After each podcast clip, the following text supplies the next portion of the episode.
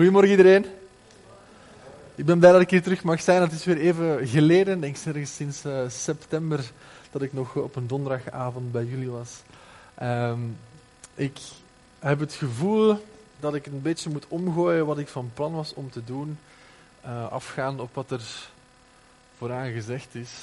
Um, ik begin opnieuw, ik doe iets nieuws. Het oude heeft gediend, maar had zijn functie en nu komt er iets nieuws. Misschien een, wordt dat een thema voor deze ochtend, ik weet het niet goed. Um, het, het, is, in ieder geval een feit dat we als, als kerk in het Westen in crisis zijn. En Henk heeft uh, vorig jaar uh, gesproken over crisis. Mijn schoonpa, degene die er waren, misschien het nog herinneren. Um, en dus met, met, dat beeld dat, dat Rijn hier doorgeeft van, van een gebouw, een oud gebouw dat, dat afgebroken wordt en opnieuw opgebouwd wordt. Ik, ik ben eigenlijk ervan overtuigd dat dat, dat dat is wat er aan het gebeuren is in het Westen. Ik bedoel, ik, ik, weet niet hoe dat bij u zit, maar ik, ik lees en ik, en ik hoor veel en ik zit in een internationale kerk en ik, en ik heb broeders en zusters in de gemeente van over ongeveer heel de wereld. En dan hoor ik verhalen en ik lees ze ook op internet en ik hoor ze in mijn, uh, de preken die ik beluister, de podcast die ik volg. En, en ik hoor verhalen uit, um, uit China, uit India, uit Afrika, uit Zuid-Amerika, ongeveer over heel de wereld is God ongelooflijke dingen aan het doen. We horen verhalen van, van miljoenen moslims die tot geloof komen in de meest extreme omstandigheden. We horen verhalen van, van, van cultuur in Afrika, ook het noorden van Afrika, waar ongelooflijke dingen aan het gebeuren zijn, ondanks Boko Haram en al die uh, organisaties die daar de plak zwaaien. We horen vanuit Zuid-Amerika en in Brazilië van alles wat aan het gebeuren is. En dan zitten we in onze eigen context hier in het, in het Westen, in Europa. En de hele westerse wereld zit een beetje in diezelfde crisis, want we vragen ons allemaal af van waarom gebeurt er in al die andere kanten van de wereld, waarom zien we zo weinig hier bij ons? En dat, ik weet niet hoe dat bij u zit, maar bij mij maakt dat enige frustratie los. Bij mij doet dat iets in mijn hart dat ik denk van God, waar zijn de tijden dat Europa de grote exporteur was zeg maar, van, van de missie, van de christelijke zeg maar, vooruitgang. Waar is de tijd dat we nog de John Wesleys hadden, de George Whitfields, de Charles Finney's? Waar zijn die mannen naartoe in onze generatie? Waar zijn die jongens die, die, die 200.000 kilometer op de rug van een paard doen, die 40.000 preken in hun leven geven, allemaal voor het avanceren van het koninkrijk van God? Um, ik, ik, denk dat dat misschien een aansluitpunt wordt uh, voor deze ochtend. Ik, ik, ik, denk dat we een soort van uh, culturele oefening moeten doen om misschien een, een, stukje te, te kijken waar we staan hier in dit moment in, in, in, het, in, het, Nederland, in Vlaanderen, in België, in Europa in 2019. Um, ehm, we hebben, ik, ik, sluit een beetje aan ook bij het eerste lied, Jezus overwinnaar. We hebben dat lied gezongen en voor eeuwig is uw heerschappij.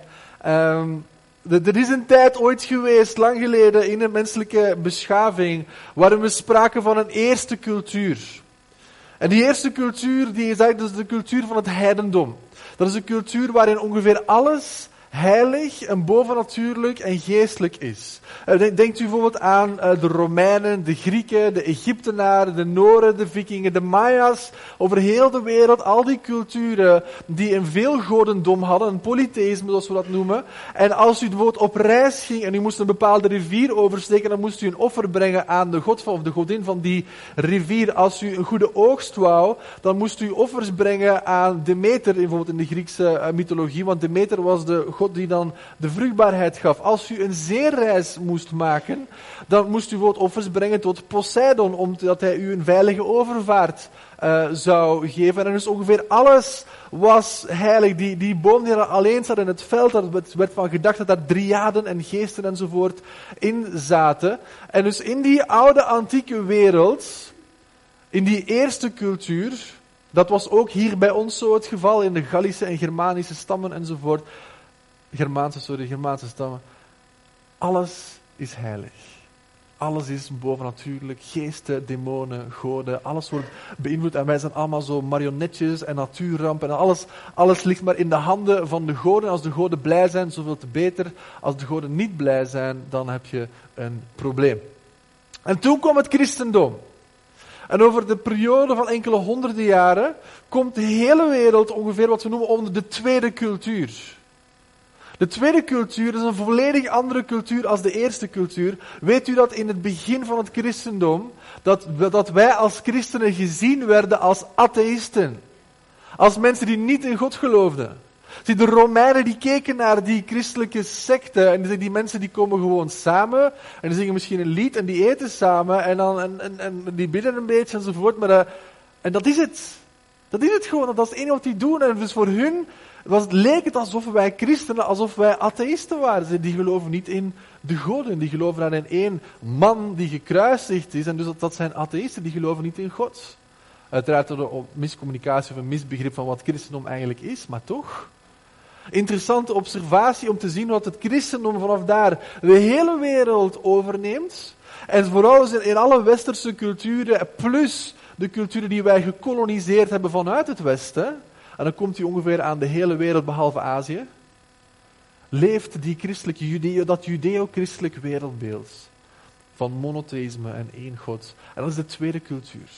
Waarin alle gevestigde orde zeg maar, van waarden en normen enzovoort vanuit de christelijke achtergrond naar voren komen.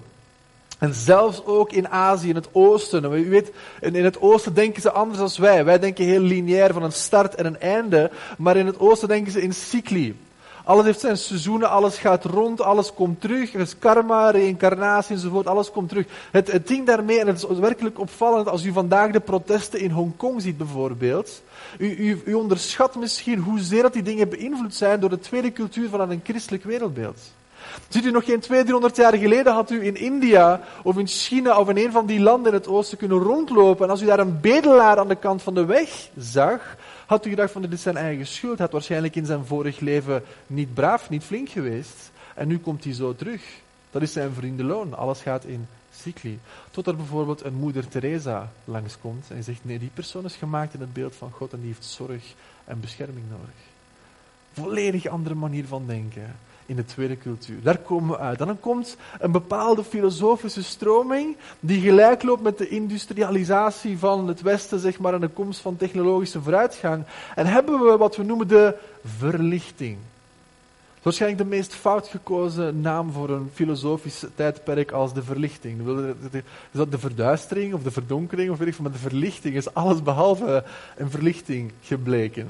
Tot op de dag van. En nogthans, misschien hoort u dat in Nederland ook, maar in België hebben wij nog altijd het verhaal van vooral de NVA, een aantal politieke partijen, die het discours van de verlichting graag willen volgen. En de verlichting die zei, we zijn allemaal rationele wezens. Het is tijd om al die uh, bijkomstige bijgelovigheid achter ons te laten. En we gaan als mensen evolueren naar een volgende fase in ons bestaan. En daarmee werd dus de derde cultuur geboren. Een cultuur die zich afzet tegen de tweede cultuur, dat is het christendom.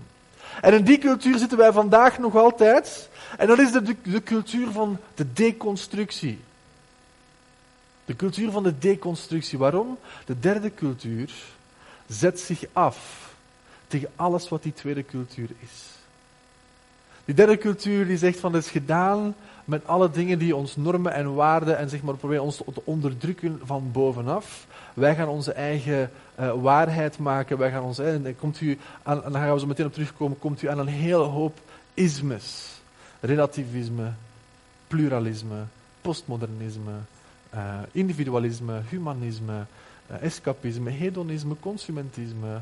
En gaat u zo maar door. U komt aan een hele lijst. En dat zijn allemaal deconstructivistische filosofieën. Dat zijn allemaal dingen die zeggen van, we zetten ons af. U zou, mag je ook niet onderschatten, de seksuele revolutie heeft daar een gigantisch aandeel in gehad. Want dat was het voornaamste waar mensen geen zeggenschap hadden over in hun leven. En dus moest alles gedeconstrueerd worden wat enige seksuele ethiek of norm oplegde aan de mensen. Nu, um, u bent deze ochtend hier uh, als persoon en u hebt daardoor een bepaald traject afgelegd uh, om te worden wie u bent in dit moment.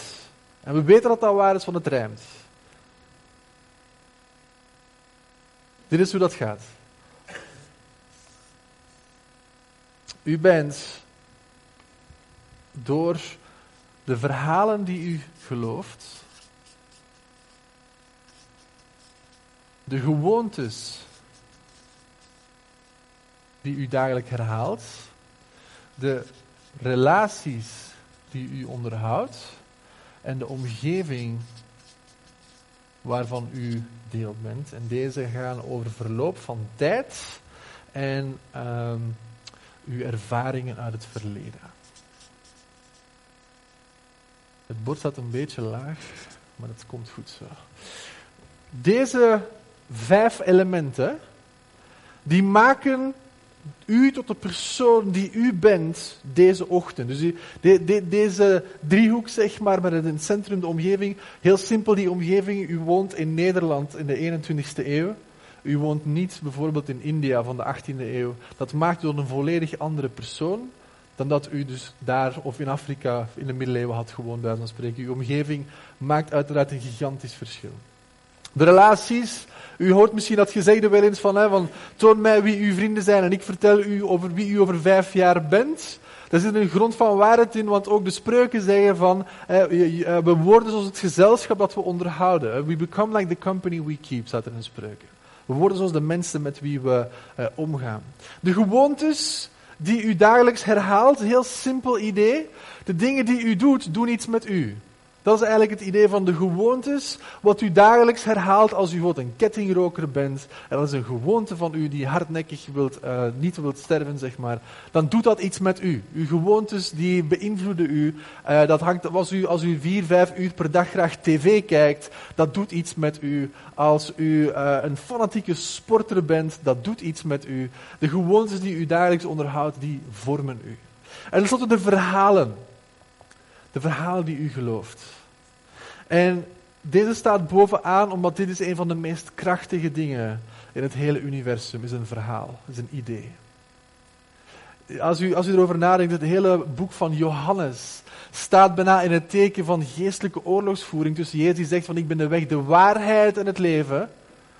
En Satan, de vader van alle leugens. En als hij licht spreekt hij zijn moedertaal, als het ware. Dan spreekt hij zijn taal die hij gewend is. Als u het, het, evangelie van Johannes in die zin begint te lezen, dan ziet u dat heel veel van het evangelie gaat over waarheid en leugen. En Jezus die zichzelf komt presenteren als een leraar die verhalen vertelt, die corresponderen met de waarheid en het idee van het koninkrijk van God, als ultiem verhaal wat hij kon brengen. En daartegenover alle andere verhalen die in de wereld leven in de eerste eeuw na Christus. Laat mij een tekst uh, voorlezen van bijvoorbeeld hoe Paulus dat tegen de Colossense zei. In Colossense 2, vers 8. Hij zegt: Pas op. En als Paulus zegt pas op, dan bedoelt hij dat er iets gaat komen wat dat we dus niet mogen doen of niet mogen. Hij zegt: Pas op dat niemand u als buit meesleept door de filosofie en inhoudsloze verleiding volgens de overlevering van de mensen, volgens de grondbeginselen van de wereld, maar niet volgens Christus. Laat me dat nog eens vertellen. Dus die verhalen hier, de verhalen in de wereld, waarvan Jezus of Paulus zou zeggen, let goed op, zijn drie dingen die u moet, die u moet zien deze ochtend. Dat u als buit, als gevangene, meegesleept wordt door drie dingen. De filosofie en inhoudsloze verleiding de tradities van mensen en de grondbeginselen van de wereld. Deze drie. Lege filosofie, tradities van mensen en de grondbeginselen van de wereld, maar niet Christus. En dus in, deze driehoek zit u als het ware, ik zeg niet dat u gevangen, u zit er gewoon allemaal deel van. Deze dingen hebben impact op de persoon wie u bent. En dus een vraag die ik u al in het begin wil stellen, is deze is radicale transformatie, is metamorfose. Is dat mogelijk? Is het mogelijk? Dat is geen retorische vraag, maar je moet erover nadenken hoe moeilijk het soms is voor ons om te leven volgens de verhalen van Jezus, de relatie met Jezus in de omgeving van het koninkrijk, zeg maar, en de gewoontes die daarbij komen, zoals Bijbel lezen en bidden enzovoort, en de ervaringen die we op lange termijn hebben met Jezus. Mensen die dus, we zijn hier niet bezig over een, een hobby als vissen erbij nemen, waar je gewoon een hengel voor koopt en gaat zitten en het aas en je gooit in het water en je wacht. Dit is niet dat. Er is iets helemaal anders waar we het over hebben, zoals Jezus in Lucas 6 vertelt. Iedereen die volledig getraind is, kan zijn zoals zijn meester. Dat is een bepaalde beeldspraak die Jezus gebruikt, maar die ook Paulus gaat herhalen in termen van militaire overweging of van atletische. Ik loop de wedstrijd, ik loop de ding. In beide gevallen gaat het over iemand die iets niet is en die moet werken en trainen om iets te worden wat hij nog niet is. En dus daarmee wordt ons christen, ons discipelschap vergeleken in deze context van al die dingen. Als wij willen worden zoals onze meester, zoals Jezus, dan gaan dit er absoluut deel van zijn. Het brengt mij tot de volgende vaststelling, is dat dit is wat de wereld doet met mensen, zonder dat ze er iets voor moeten doen. Zonder dat ze er iets voor moeten doen. Het enige wat u moet doen, en dat is, dat is misschien een, een punt dat ik wil maken ook van het, het Nederland van in 2019 heeft een geweldig plan voor uw leven. De omgeving waarin u woont is absoluut afgesteld om u te maken zoals een 21ste eeuwse westerling behoort. Met een aantal verhalen die we zo meteen gaan behandelen. Maar dit is het probleem. En dit is voor schinnen. Jullie gaan moeten nadenken als kerk, als huisgroep, als zo de kerk in het Westen in het algemeen. Wat kunnen wij hier tegenover stellen? In het koninkrijk van God. Om dus mensen een volledig ander verhaal te helpen maken van hun leven. Om te worden en te trainen om te worden zoals hun meester. Denkt u erover na? De verhalen die de wereld rondgaan, die gaan moeten vervangen worden door het onderwijs van Jezus. Dat is een eerste simpele vaststelling. we gaan doordrenkt moeten worden. Het vernieuwen van ons verstand door het woord van God. U kent die tekst, dat is, dat is eentje die voor de hand ligt. De gewoontes gaan wij moeten veranderen door de praktijk van niemand minder als Jezus van Nazareth. Hij hield de Sabbat. Hij las de Bijbel.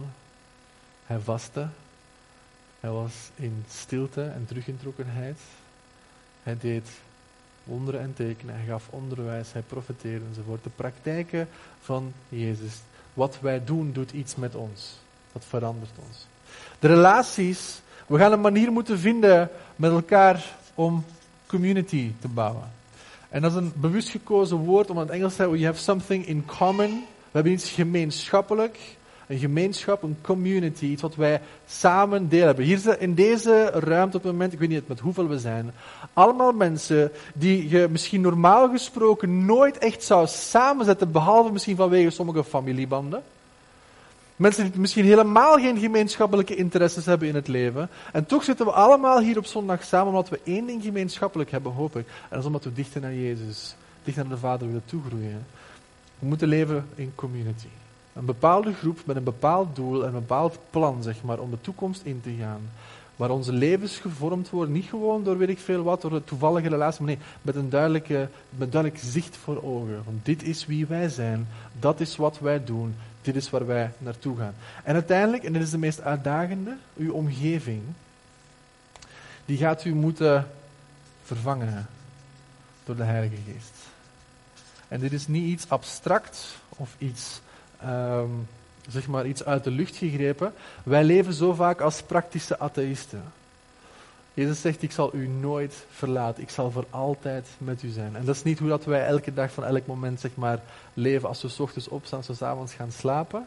Simpel ook uit mijn eigen leven. Ik leef niet op elk moment alsof de Heilige Geest in mij woont. En ik zal dat beter wel doen. Het probleem is dat wij met deze dingetjes hier ongeveer 24 tot 24 per dag rechtstreeks een venster op de wereld hebben, in plaats dat wij een venster op God hebben. Deze dingen zijn geprogrammeerd om uw leven over te nemen.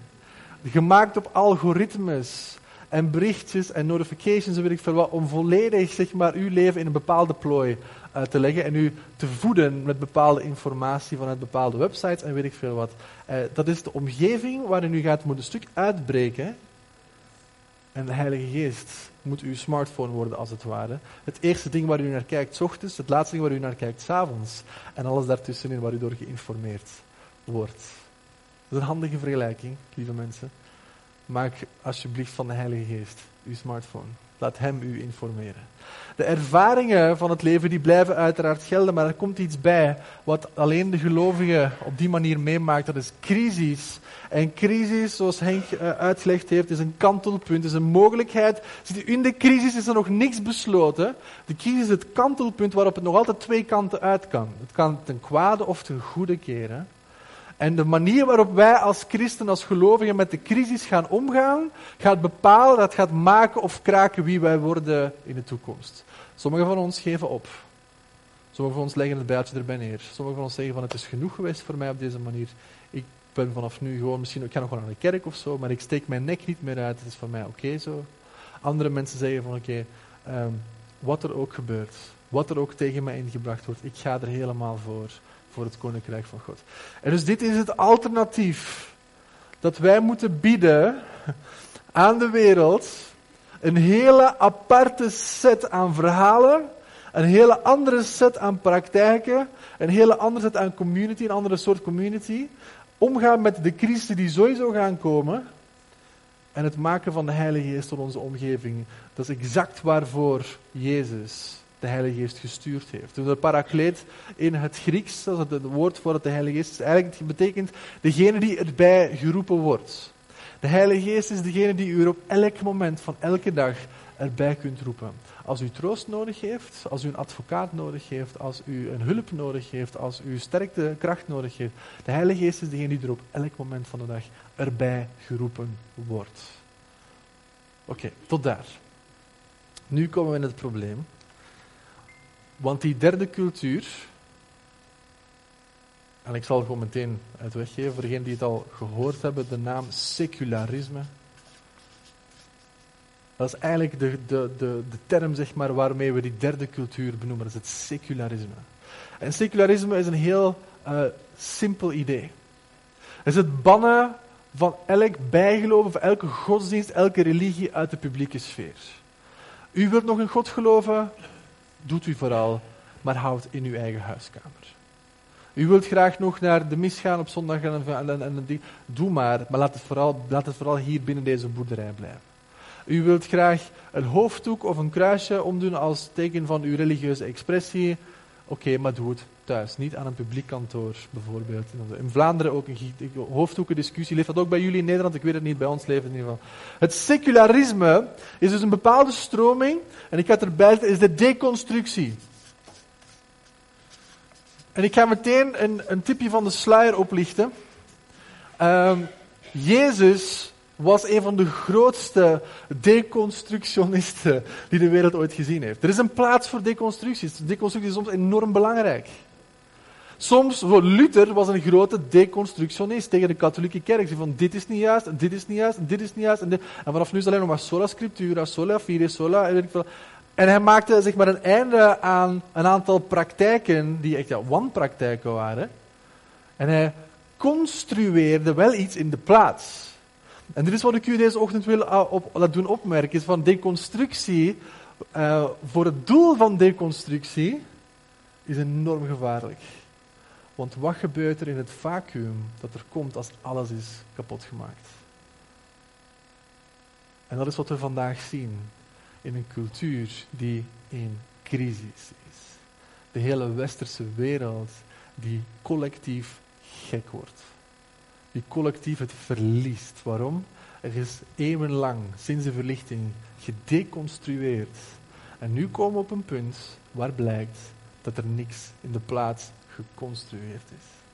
Laat mij u een aantal voorbeelden geven van een aantal andere verhalen. Lieve mensen, dit is de wereld waarin u leeft. Ik ga er een aantal termen op plakken, maar u herkent dit meteen in de collega's van op uw werk, in de mensen bij u op school, in de, met de vrienden waarmee u omgaat. U gaat dit meteen herkennen, ook al wordt er misschien een ander woord opgeplakt. Dit is de tijdsgeest, dit zijn de lege filosofieën de tradities van mensen en de grondbeginselen van de wereld, waardoor Paulus zegt, laat u alsjeblieft daar niet als buiten door meeslepen, want zij zijn niet Christus. Laat mij u een aantal verhalen vertellen die niet Christus zijn, die u meteen gaat herkennen in uw omgeving. We beginnen bij individualisme. Individualisme is grosso modo de filosofie, de lege filosofie, die zegt: Ik ben mijn eigen individu, ik ben mijn eigen persoon, ik heb het recht om mijzelf te ontwikkelen zoals ik wil, ik heb het recht om van mijzelf te maximaliseren, volgens alle potentieel, volgens alle dingen die in mij zijn. Ik heb de vrijheid, de extreme, extreme vrijheid, om daarin alles te gaan ondernemen wat ik wil ondernemen. En oh iemand die die vrijheid in de weg staat, want die gaat eraan moeten geloven. En het komt vanuit dat verlichtingsdenken dat wij allemaal rationele, rationele mensen zijn die rationele keuzes maken. Maar onze moderne antropologie zegt dat dat dik tegenvalt.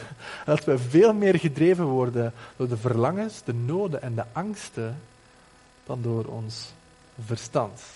En dus individualisme, radicaal individualisme, gaat lijnrecht in tegen community, want we komen uit een maatschappij waar dat de community nog belangrijker was dan het individu. En tegenwoordig is dat volledig omgedraaid, waarin mijn pijntjes en mijn noden en mijn frustraties en mijn irritaties allemaal belangrijker zijn dan het grote algemene goed. Want ik, ik sta in het centrum met mijn iPhone en mijn iMac en mijn iDit en mijn iCloud en mijn i weet ik veel wat. We leven in radicaal individualisme. Zeer belangrijk. Dat is de grote reden waarom er zoveel dingen gedeconstrueerd moesten worden, want die staan mij in de weg om te worden wie ik kan worden.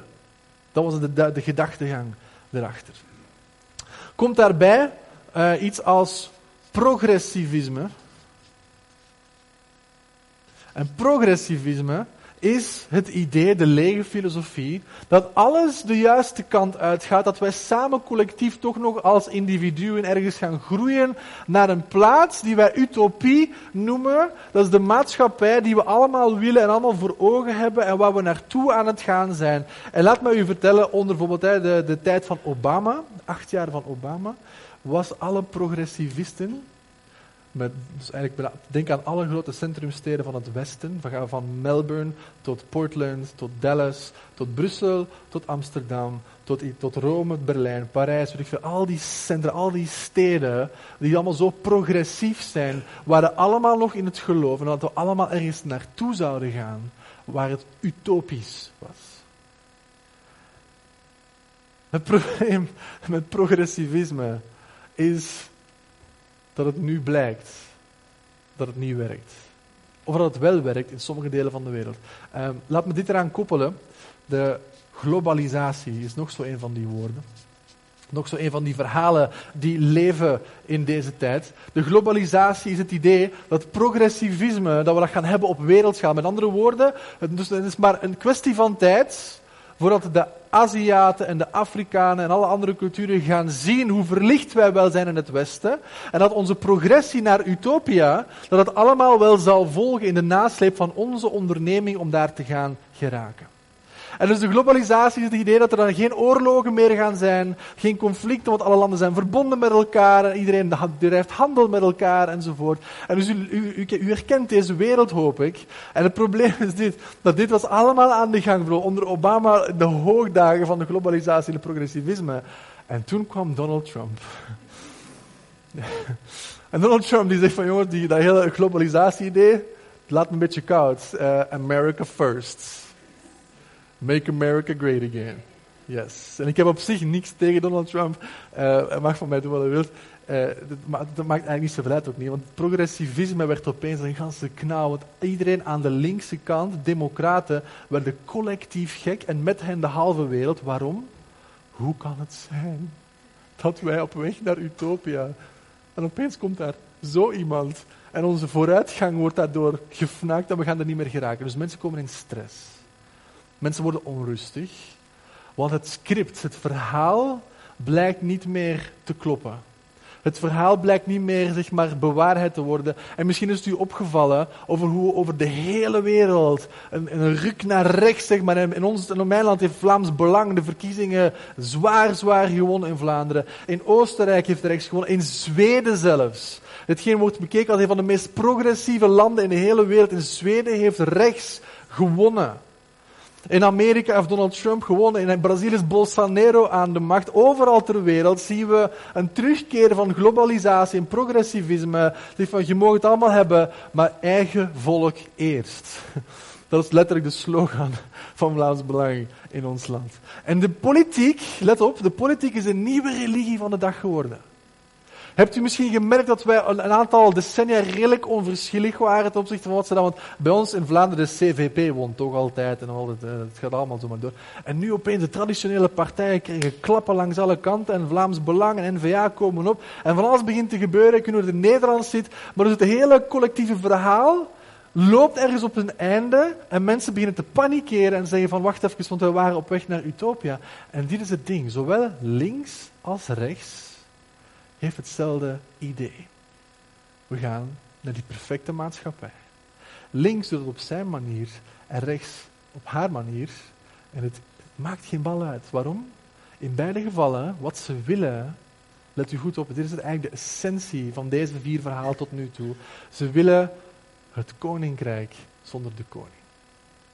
Of u nu op links stemt, en een klassevrije maatschappij voor ogen hebt, of zwaar communistische, marxistische ideeën, of minder matige uh, ideeën van links-progressief, of u nu op rechtsconservatisme stemt, aan het einde van de dag, die politieke partijen, die willen allemaal hetzelfde, hebben een ander idee over, we gaan richting utopia, we doen het zonder Jezus.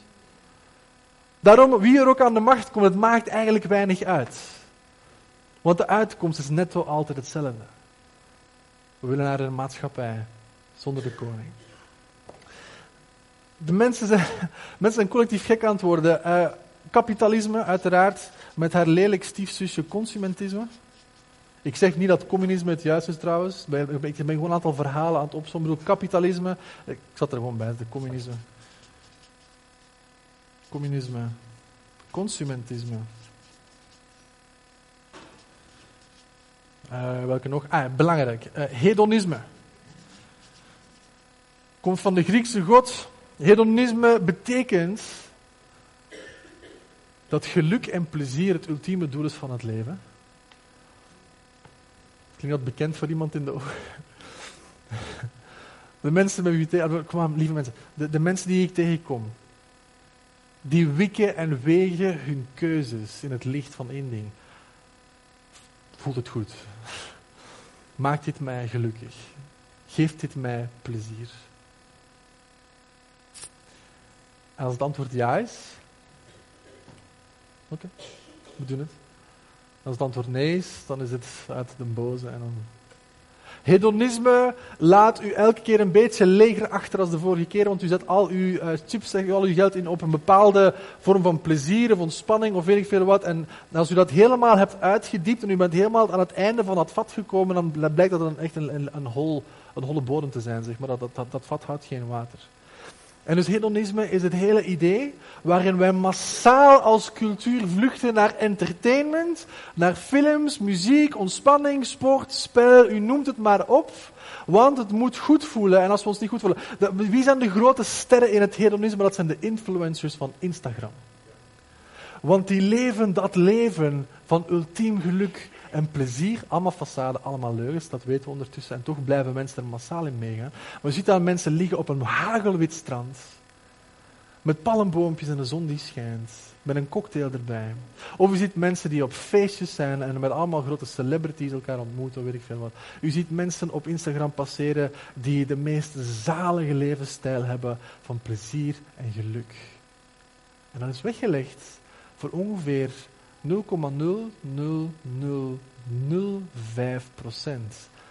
van de hele wereldbevolking. Het is gelukt. We zijn in Utopia. Of ook niet. Dat is het ding, Utopia. Denk er even over na. wij, wij ook. Wij behoren tot een bepaalde klasse van mensen, de top 3, 4 procent van de wereld misschien. En denkt u in onze centrumsteden, in de, in de hippe buurten, daar komt u mensen tegen die allemaal hun hipster laptop hebben, met een hipster smartphone, hun hipster designer kleren, hun hipster latte macchiato van 4,50 euro.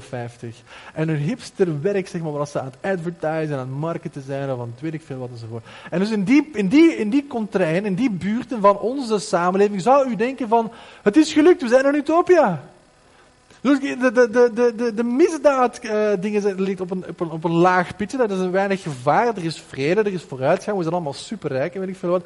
En dus men denkt van oké, het lukt. In het westen komt het. Je gaat, gaat naar bepaalde steden in, in, het, in, het, in de westerse wereld. En u weet niet wat u meemaakt. U denkt van wauw. Dit is de pinnacle, dit is de, de, de, de, top zeg maar, van menselijke evolutie in vernuftigheid en creativiteit en vrije tijd en wat u ook maar wilt opnoemen. Er zijn twee dingen die daar dat verhaal volledig kelderen. Het eerste verhaal is dit. De reden waarom de hipster levensstijl met de hipster latte macchiato en de hipster designerkleren, een hipster laptop en een hipster smartphone allemaal mogelijk is, is omdat er kinderen in Thailand en Vietnam aan het werken zijn om die levensstijl mogelijk te maken. Dat is een eerste brute realisatie.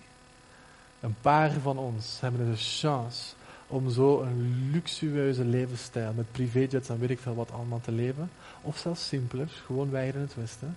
Omdat mensen in minder fortuinlijke delen van de wereld hun kas afdraaien van ochtends vroeg tot s avonds laat om onze levensstijl mogelijk te maken. Utopia wordt gebouwd op de rug van slavernij. Alleen zien we het niet rechtstreeks. Er zijn nog altijd piramides die gebouwd worden, maar dan anders. Tweede verhaal, en dat is misschien nog meer de, de kanarie in de koolmijn, is dat in deze centra, waar iedereen zo gelukkig lijkt te zijn, waar al die influencers hun ding gaan doen en de foto's en de selfies trekken en een Instagram profiel en een Facebook gaan updaten en weet ik veel. In die hipster koffiebars met 4,5 euro latte macchiato's. En de mensen die daar komen, zien we meer stress, rusteloosheid, angst, depressie, burn-outs en zelfmoordneigingen dan in sommige delen van de wereld waar u dingen verwacht dat u daar zou vinden. In Vlaanderen, onze zelfmoordcijfers onder de jeugd zijn de tweede hoogste ter wereld. Utopia. Want als hedonisme niet werkt, wat volgt dan? Escapisme. En u ziet daar het woord escape in. Escapisme is het idee dat als het leven pijn doet en als alles tegensteekt, dan zegt escapisme: hier is een sigaretje. Hier is een lijntje cocaïne. Hier is een fles. Doet het pijn? Valt het tegen? Hier is een serietje op Netflix. Ben je ongelukkig? Hier, hier is een feestje. Escapisme blijkt absoluut nefast te zijn voor de menselijke geest. En u ziet, u kent dat verhaal misschien in de jeugd, als u kijkt naar de, misschien voor de oudere mensen die hier in de zaal zijn, u, u kijkt naar de jongere generatie en u ziet een generatie die zich volledig overgeeft aan entertainment, aan, aan spelletjes, aan gewoon... In, in, in België, ik weet het in Nederland ook zo is, maar veel mensen blijven tot hun 35ste bij hun ouders wonen. Er zijn een aantal dingen die gewoon mensen die, die gewoon niet opgroeien. Peter Pan syndroom. Zwaar, zwaar escapisme. En ik heb niks tegen mensen tot hun 35ste bij hun ouders blijven wonen, maar het punt is veel meer dat we als hele generatie, als het pijn doet, dan zoeken we naar een uitlaatclub vanwege de volledige betekenisloosheid van heel dit verhaal. En alle verhalen die het secularisme aan ons heeft verteld, één voor één blijken ze allemaal deconstructies te zijn van de tweede cultuur, van het christendom. En er is niks in de plaats gebouwd. En ik geloof dat wij in een tijd leven, net zoals de tien plagen in Egypte. Als u die plagen gaat analyseren, dan ziet u iets wat God aan het doen is. Namelijk, het eerste wat er gebeurt is de rivier die in bloed kleurt. Dat was de belangrijkste God voor de Egyptenaren, was de Nijl. Dat was hun levensader. Het tweede is de kikkers, de kikkerplaag die komt. De kikker, de god Horeb, was een van de machtigste goden in het Egyptische pantheon als het ware. En dan komen de muggen en dan komt donder en hagel en al die dingen enzovoort. En u ziet dat als laatste wordt de farao zelf, zijn eerstgeboren, de opvolger van zijn troon, gaat God vermoorden. De eerstgeboren zoon. De farao was de ultieme god in Egypte. En wat doet God daar? In tien reeksen als het ware. God vernedert de goden van Egypte. God vernedert heel dat Egypte. Hij laat hun berooid achter. Zelfs hun goud en hun zilver hebben ze afgegeven aan de Israëlieten. En je, ziet dat, ziet dat bij Jezus net hetzelfde. Het staat, dat in de Bijbel letterlijk geschreven. Aan het kruis heeft hij de machten van deze wereld van hun macht ontdaan. Hij heeft hem vernederd. We zien de goden van het, Romein, van Romeinse leven, de goden van de Grieken, de goden van weet ik veel. We zien dat de, de god van de Fariseeën tot een bepaalde hoogte, zeg maar, in, mate zij hem kenden en niet kenden. We zien al die stelsels, al die dingen zien we vernederd.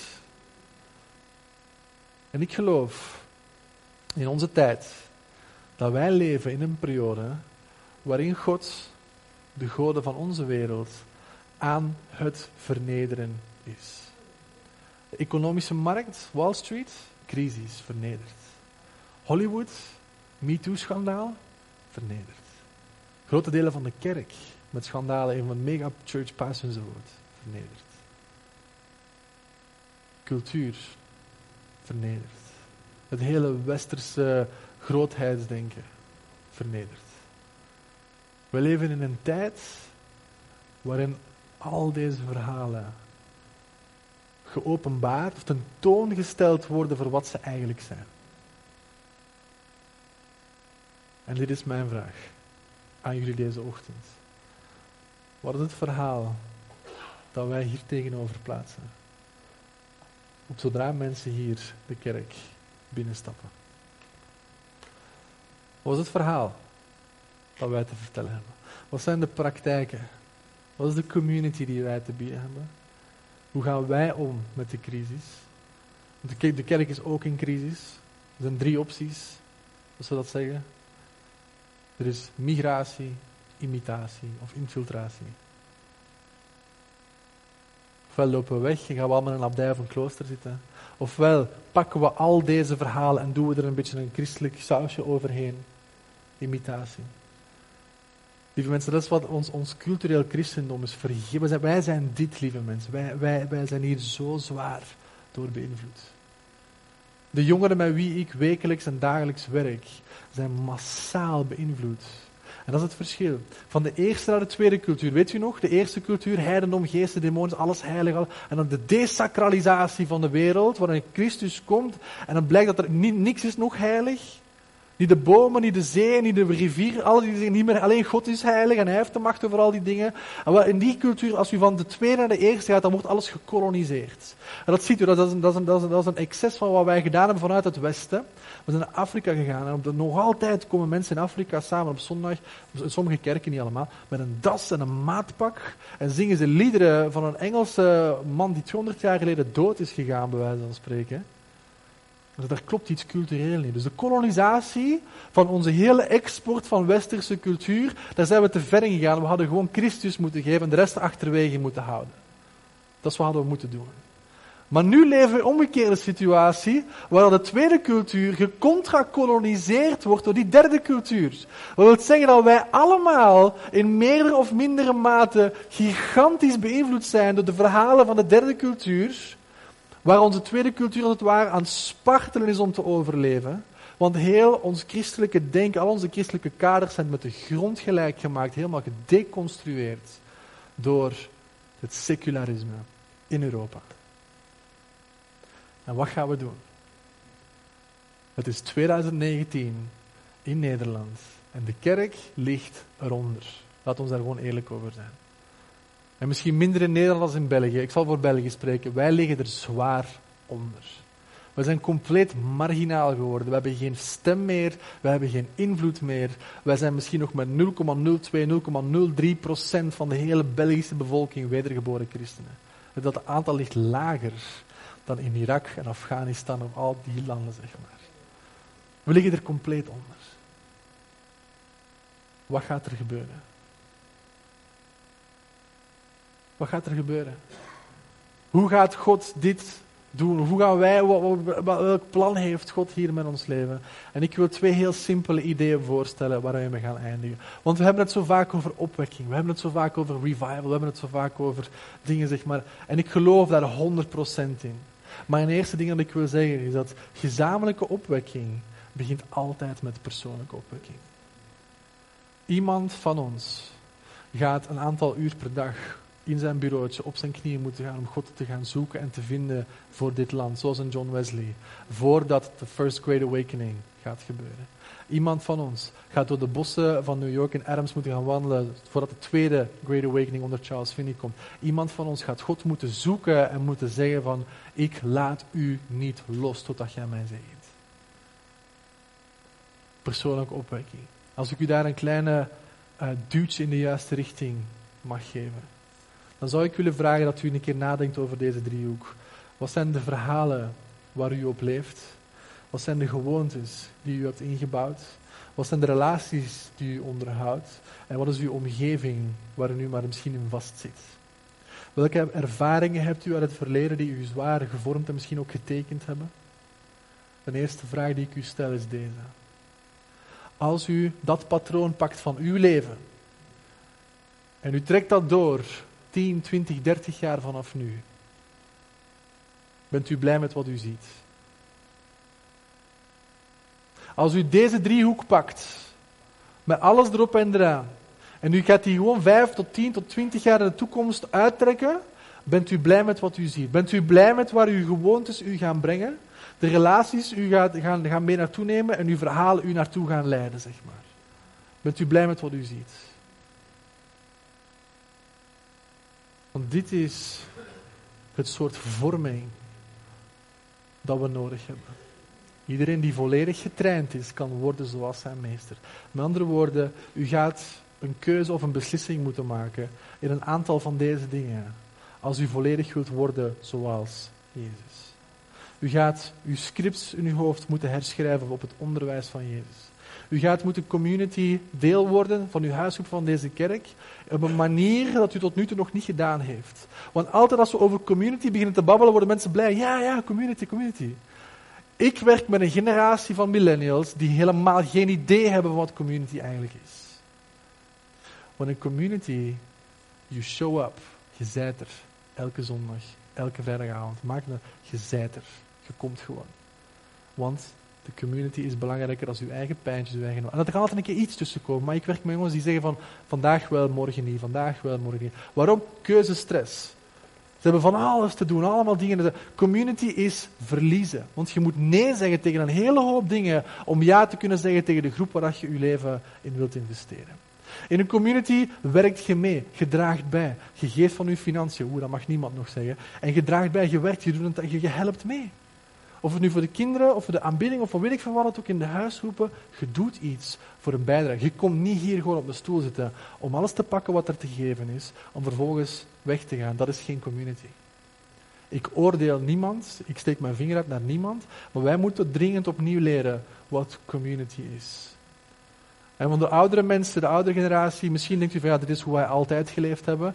Ik weet voor mijn generatie en voor jongeren als mij, is dit een gigantisch probleem. Want er is keuzestress. En zoveel dingen waar we deel van zouden kunnen zijn. Aan de praktijken. Hoe gaat u Jezus achterna gaan? In wat Hij doet. Zo simpel is het dan eigenlijk aan het einde van de dag. Gewoon doen wat Hij doet. En dus, als wij opwekking gaan zien in dit land, gaan sommigen van ons deze hele driehoek moeten gaan beginnen rond de Heilige Geest. Beginnen draaien. En ik geloof dat deze verhalen aan hun einde gaan komen. Ik geloof dat binnen dit en een paar jaar dat die ballon doorprikt gaat worden met alle miserie die eruit is voortgekomen. En dat we gaan kijken naar, naar secularisme als naar eender welke andere lege filosofie, eender welke andere grondbeginsel van mensen, eender welke traditie die we in het verleden gezien hebben, en zeggen van, het werkte niet. Maar als dat moment komt, als kerk, en wij leven het verhaal niet uit aan deze kant, het koninkrijk van God, want even gewoon, ons verhaal is Jezus en zijn koninkrijk. Als wij daar niet leven, dan hebben wij heel die wereld niks te vertellen. En in de plaats van secularisme komt gewoon het volgende. De volgende lege filosofie. Dit is de tijd waarin wij leven. Ik weet niet in welke tijd onze kinderen gaan leven, maar als wij geen alternatief verhaal brengen en uitleven en volledig in de praktijk brengen, dan komt er gewoon iets nieuws. En dus met deze gedachte wil ik afsluiten.